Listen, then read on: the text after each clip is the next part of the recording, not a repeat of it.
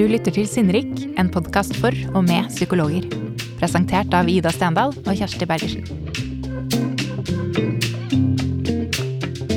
Pleier du å si at du er psykolog, eller at du jobber som psykolog? Psykologyrket er for mange tett knyttet til identiteten. Det er ikke nødvendigvis sånn at man legger igjen yrket på kontoret når arbeidsdagen er over. Og særlig når man jobber med terapi, så må man bruke mye av seg selv.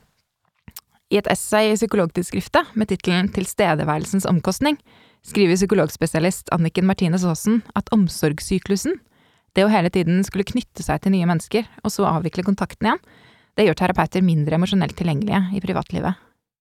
Hvordan kan man hindre at jobben griper inn i privatlivet, at man blir så utslitt at man ikke har noe omsorg igjen når man kommer hjem?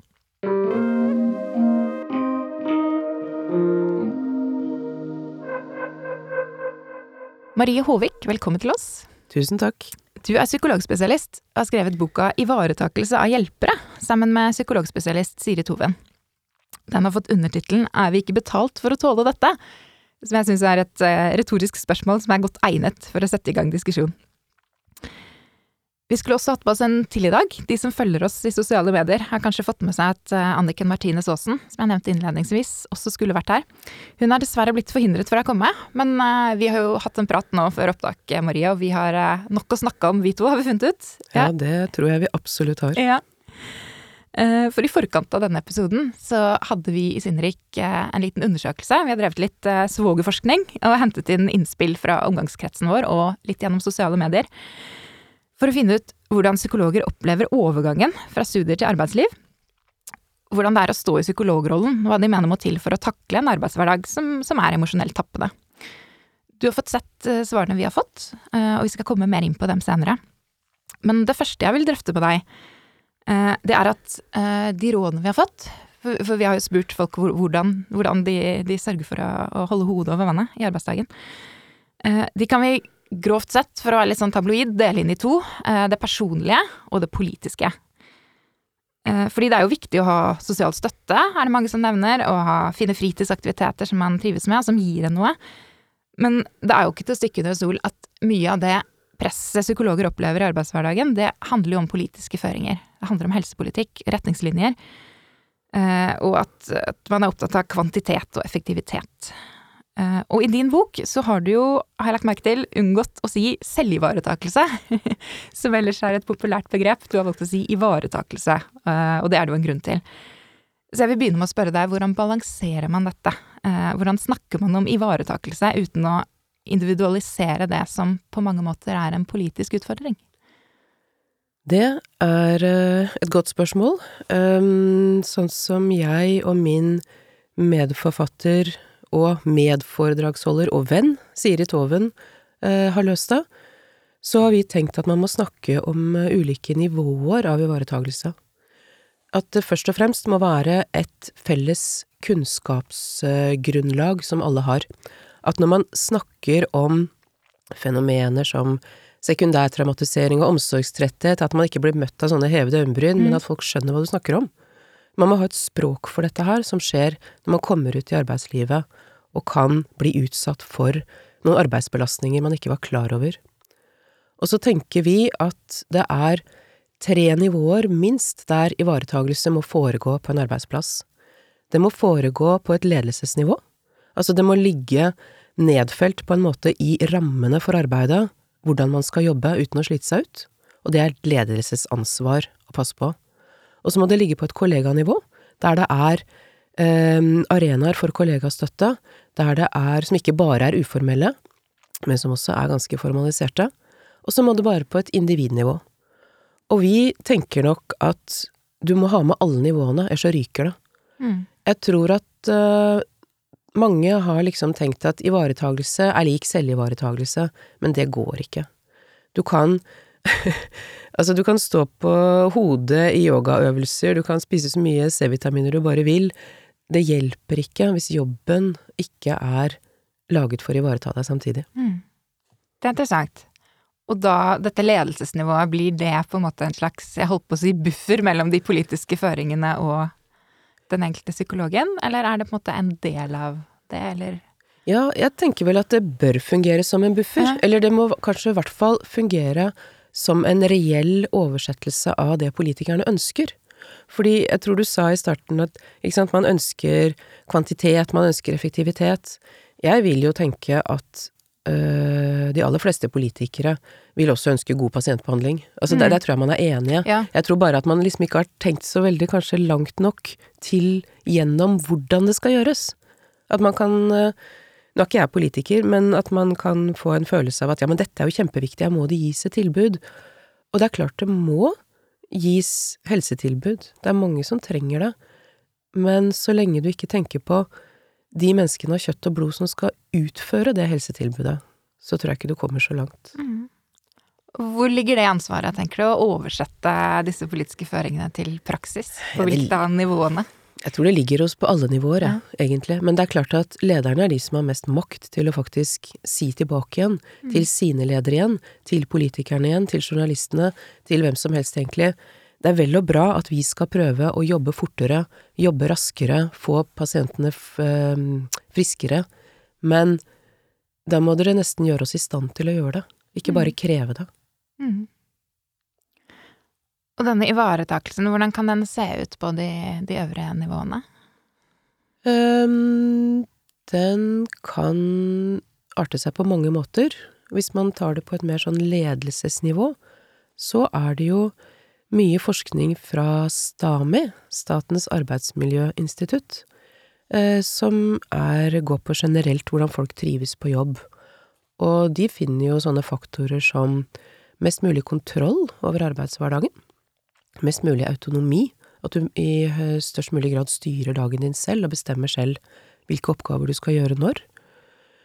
Ehm, det er også ehm, en beskyttelse mot høye emosjonelle krav, som jo går igjen egentlig i alle sånne hjelperyrker som er tett på mennesker, ikke bare psykologyrket. Det at du møter mennesker med veldig sterke følelser. Mm.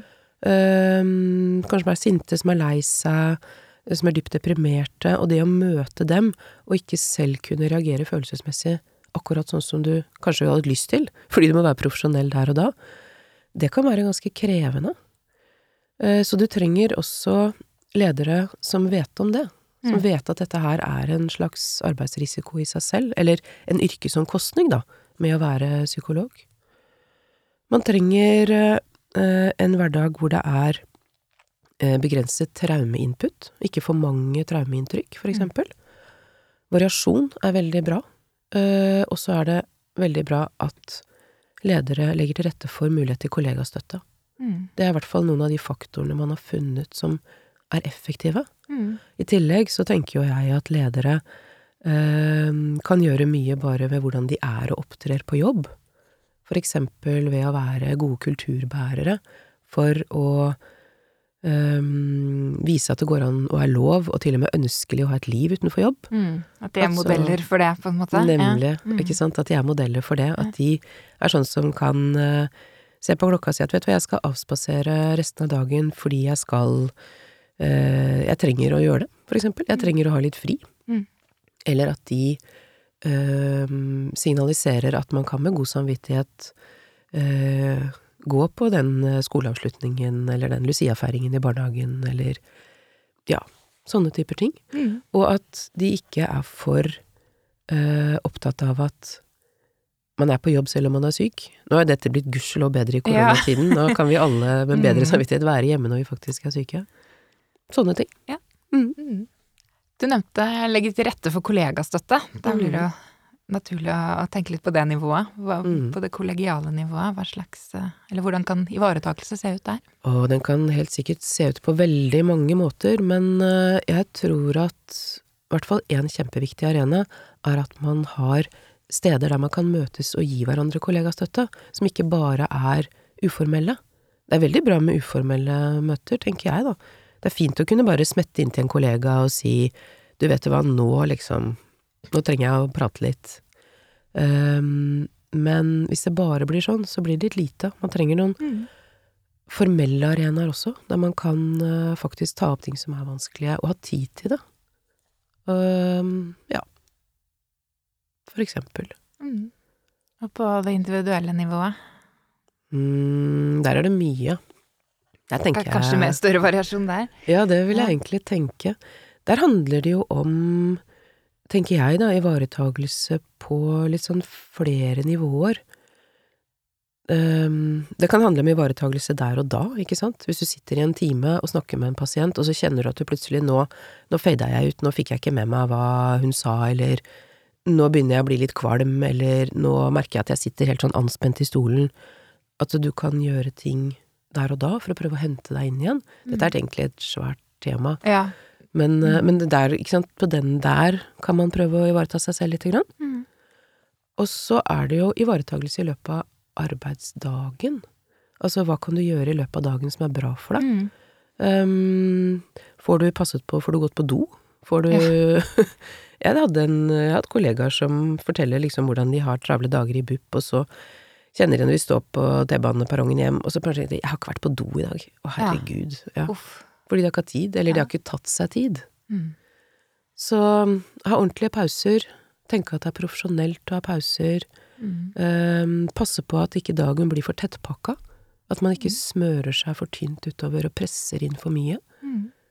Men igjen, ikke sant, her ser du det samspillet, for dette er bare mulig å gjøre i lengden da, på en jobb hvor det er greit. Ikke sant. Ja. Det er et godt poeng. Mm. En ting jeg syns var interessant, av de innspillene vi har fått inn ehm, For, for altså når, når vi snakker om ivaretakelse, så er det lett å snakke om sånne praktiske ting som du sier, ikke sant. Passe på at dagen er variert. Ja. Eh, sånne liksom mer praktiske ting. Mm. Vi fikk også et innspill på dette med hva slags holdning man har til yrket sitt. Altså, Mm. hva forventer man å skulle få til? Tenker man at alle mine pasienter eller klienter skal bli kjempefriske, eller har man mer en innstilling om at jeg skal hjelpe folk så godt jeg kan, og all fremgang er god fremgang? Altså, Mm. litt, det handler jo litt om hvordan man ser på både yrket, men også hvordan man ser på psykisk helse, på en måte.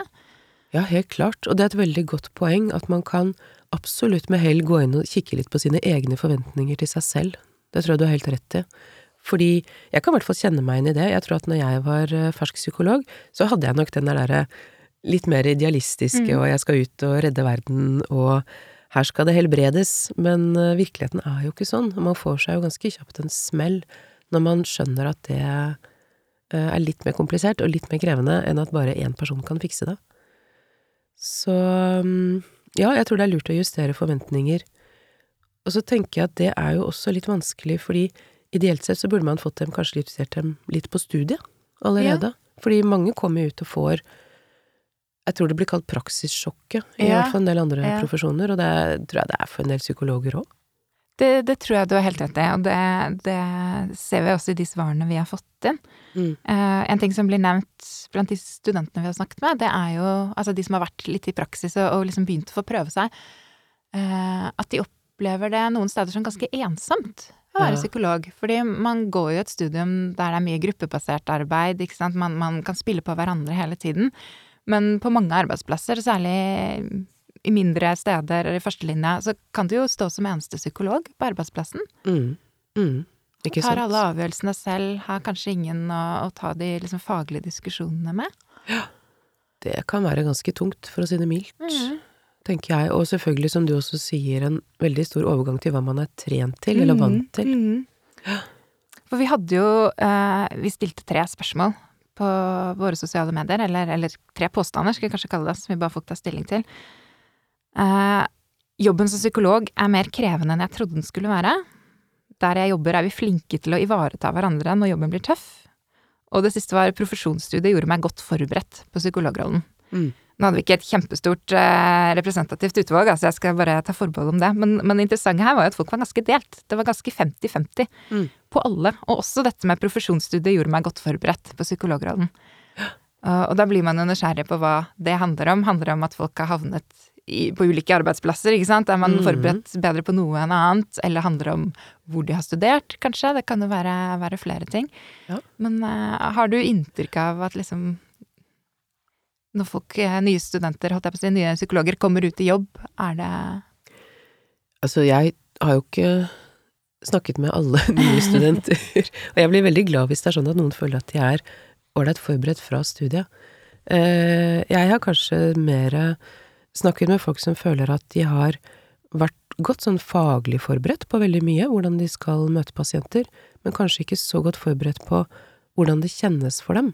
Mm. Å være for eksempel, ja, som du Ja. sier, eneste psykolog, eller ikke ha så mange å samarbeide med, eller det trøkket du får når du får mange vonde historier på en gang, ikke bare én og én, sånn som du gjør på studiet. Mm. Den derre akkumuleringen, eller den derre oppsamlingen av andre folks smertefulle skjebner. Mm.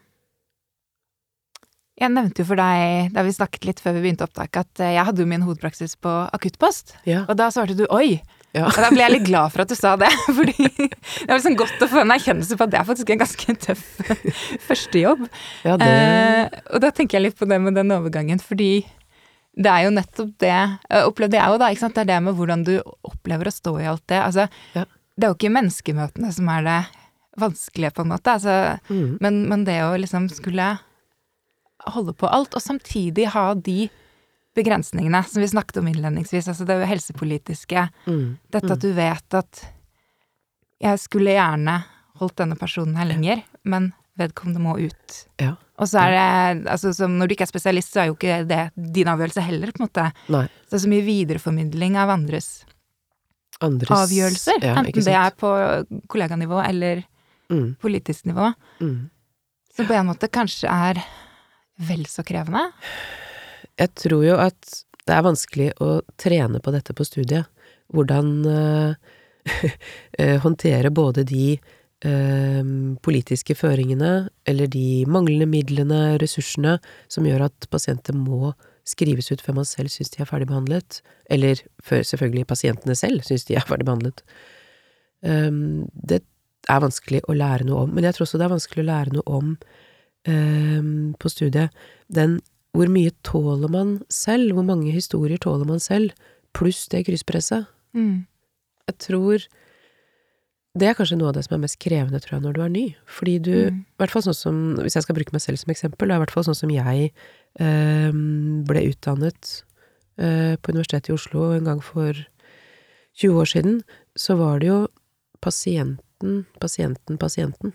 Mm. Det var pasientens behov. Du ble liksom trent og drillet i å møte vedkommende der vedkommende var, prøve å tone oss inn, prøve å lytte, prøve å være mest mulig behjelpelige. De som var best på å faktisk tenke på at eh, vent nå litt, det er en terapeut i rommet også, det var den Mm. psykodynamiske tradisjonen. Jeg var ikke mm, spesielt psykodynamisk opptatt, men jeg tenker der er det masse gull i forhold til at de i hvert fall har begreper om overføringer og motoverføringer. Mm. De prøver i hvert fall å, eh, som Siri Toven pleier å si, klippe terapeuten inn i bildet. Ja. Eh, og det tror jeg nok at eh, man med hell kan gjøre litt oftere. ja. Det er i hvert fall en start, da. Så er man fortsatt ikke nok forberedt, tenker jeg, på å liksom stå i det der derre å herregud, den stakkars pasienten gråter og vil ikke dra, men jeg må komme og gi den beskjeden Mm. om at du skal dra. Men, men da er det i hvert fall et sted å begynne, og at du i hvert fall har rett til å ta hensyn til dine egne reaksjoner, på en mm. måte. Du er ikke uprofesjonell hvis du gjør det. Ja, for man, man glemmer kanskje fort det når man bruker seg selv som et verktøy, holdt jeg på å si. At man sitter jo der som en person også. Og hvordan er det Du nevnte at den psykodynamiske tradisjonen har vært flinkere til å ta hensyn til det. Ja, Hvordan ser det ut, eller hva kan vi, vi andre lære av det? Jeg syns vi kan eh, i hvert fall lære av det at eh, vi er nødt til å ta hensyn til våre egne reaksjoner. Fordi vi Det er jo det forslitte begrepet, ikke sant. Vi er vårt eget instrument. Men vi Mm, er mm. virkelig vårt eget instrument, altså. Mm. Det er vår empati, våre følelser, våre tanker, våre reaksjoner der og da, sammen med pasienten, hvis man skal tenke klinisk. Det er jo det som gjør hele forskjellen. Det er jo det som gjør at folk endrer seg, eller tør å åpne seg, eller tør å våge å bli bedre. Mm. Men det er vi som sitter der i time etter time med nye personer og gjør dette om igjen og om igjen. Mm. Vi er helt pokka nødt til å ta hensyn til våre egne reaksjoner, for så varer vi ikke. Og vi kan bli overrumplet av våre reaksjoner òg, og kanskje Ja. særlig når man er ny. jeg husker på min første jobb, jeg jobba på DPS Ja. eh, her i byen. Så det fikk jeg inn på vakt en ung gutt. Ehm, og de historiene han fortalte, jeg ble så lei meg etterpå. Jeg var helt fortvila. Jeg, jeg var så sinna. Og Jeg husker at jeg visste ikke hva jeg skulle gjøre. Til slutt så tok jeg skoen min og bare smalt i veggen. Mm. Jeg ante ikke hva jeg skulle gjøre. Men jeg hadde ikke heller kanskje lært så mye om det. Nei. Hva gjør man når man blir overveldet av sterke historier? Ikke sant?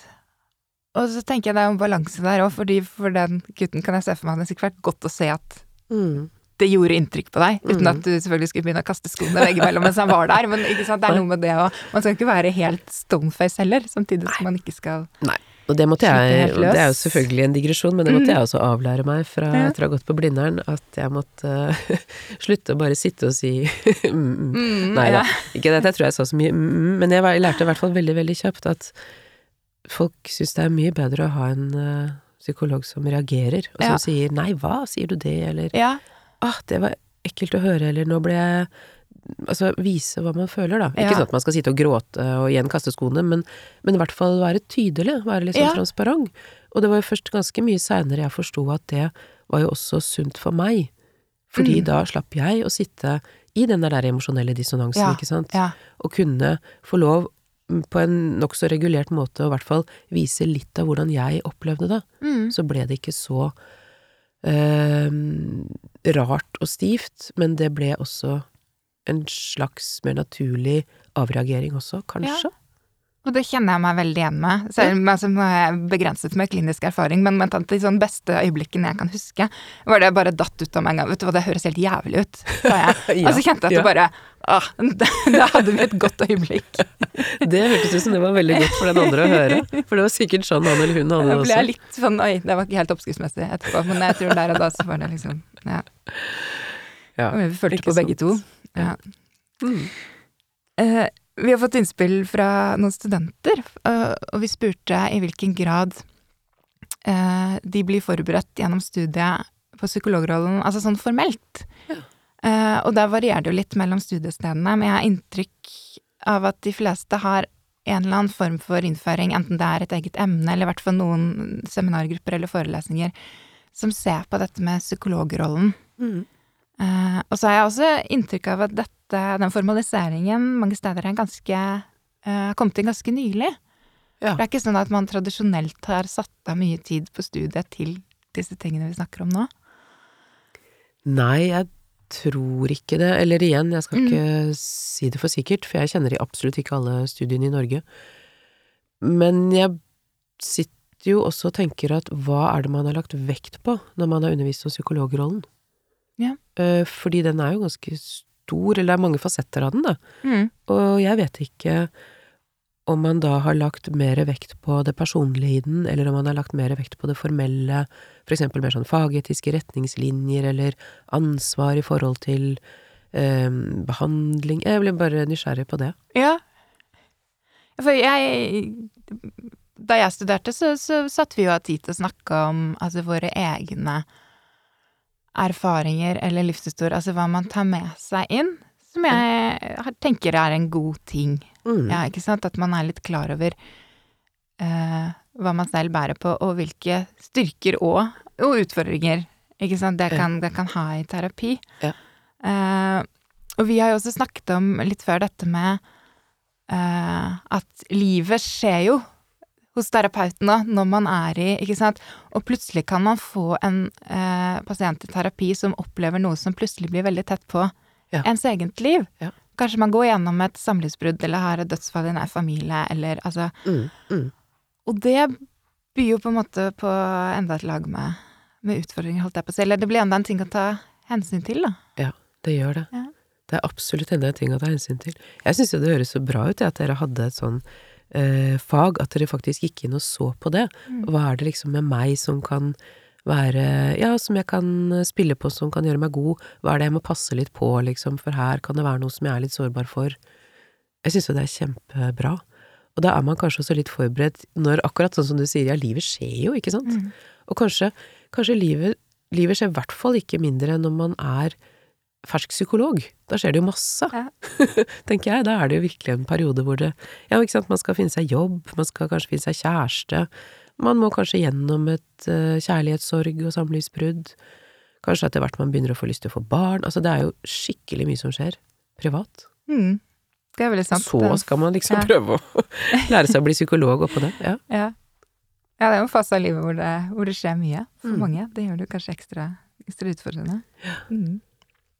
Litt tilbake til dette individuelle nivået. Så fikk vi et innspill som jeg syns var litt, eh, litt fint, som handlet om dette med eh, Nå skal jeg passe på ikke å si selvivaretakelse, men Jo, du si det. på det individuelle nivået. Ja. Ja, Nei, si men, det. men eh, for én ting er eh, Jeg husker en, en underviser jeg hadde, som, som fortalte at hun første året i jobb ikke orket å lese noe annet enn Se og Hør Nei. på et år, ikke sant. Og det er noe med det der å hente seg inn og, og slappe av. Men så var det også en som, som spilte inn til oss at det føltes veldig godt å gjøre noe aktivt Mm. på fritiden selv om man var sliten, nettopp for at jobben ikke skulle ta så mye plass Ja, på fritiden. Det syns jeg var en, en, eh, et artig innspill. Enig. Ja. Det var lurt. Ja. Fylle privatlivet sitt, fylle fritiden sin med noe som Selv om man er sliten. Ja. ja, ikke sant. Noe som, som gir en noe. Ja, Det er ikke alltid liksom sofaen med benet høyt er det man trenger, selv om man er Nei. Særlig ikke når man blir liggende og gruble over de historiene Ja. man har tatt imot i løpet av dagen. Kanskje. Nei, jeg tror det er kjempelurt, og det er jo noen sånne nestorer på området. Uh, dette har jo vært forsket på i noen år, og det var to amerikanske damer som heter Perlman og så Whitney. De har den, eh, jeg tror det er fra 90-tallet, ja, hvor de sier at eh, det beste rådet vi kan gi deg om ditt privatliv, det er at du har et privatliv. Ja, Og det syns jeg er veldig bra. det er veldig fint. Ja, for det, og det tenker jeg Det skal man med veldig god samvittighet ha. Og det er noe som eh, Siri mm, har vært opptatt av, som vi skriver i den boken. Det er jo det at det privatlivet skal du ha selv om du ikke har barn og kjæreste. Mm, Det er kjempeviktig. Det er kanskje absolutt. ekstra viktig. Ja. Fordi da er du litt mer sårbar for å sitte litt lenger på jobben og Ja, du tar litt mer mer Ja. overtid og Ja, men jeg skal bare skrive ferdig det notatet. Jeg skal bare Nei, du skal ikke det. Du skal komme deg ut. Mm. Pell deg hjem, eller Ja, pell deg ut ut i skogen, eller Løp deg en tur. Løp deg en tur, gjør Ja. hva som helst. Mm. Bare ikke Pass på skjerm. Det er kanskje ekstra viktig å skjerme seg litt da. Mm. Fordi har du små barn, så må du hjem til dem. Det er litt Mm. sånn, De drar deg litt ut av det. Det er vanskelig å tenke på pasienthistorier når du er mer opptatt av om eh, av å huske på um, gummibukser til barnehagen, liksom. Mm. Mm. Altså det, ja, det er et fint råd. Ha noe aktivt å, Mm. å Mm. koble seg på. Har vi noen flere råd, konkrete, som vi kan sammenfatte ut fra det vi har snakket om? Har Til, du noe, hvis du eh, skulle gitt, gitt noen råd til en eh, fersk psykolog eller en student som er på vei ut i arbeidslivet? Åh, uh... Husk at det ikke er noe i veien med deg.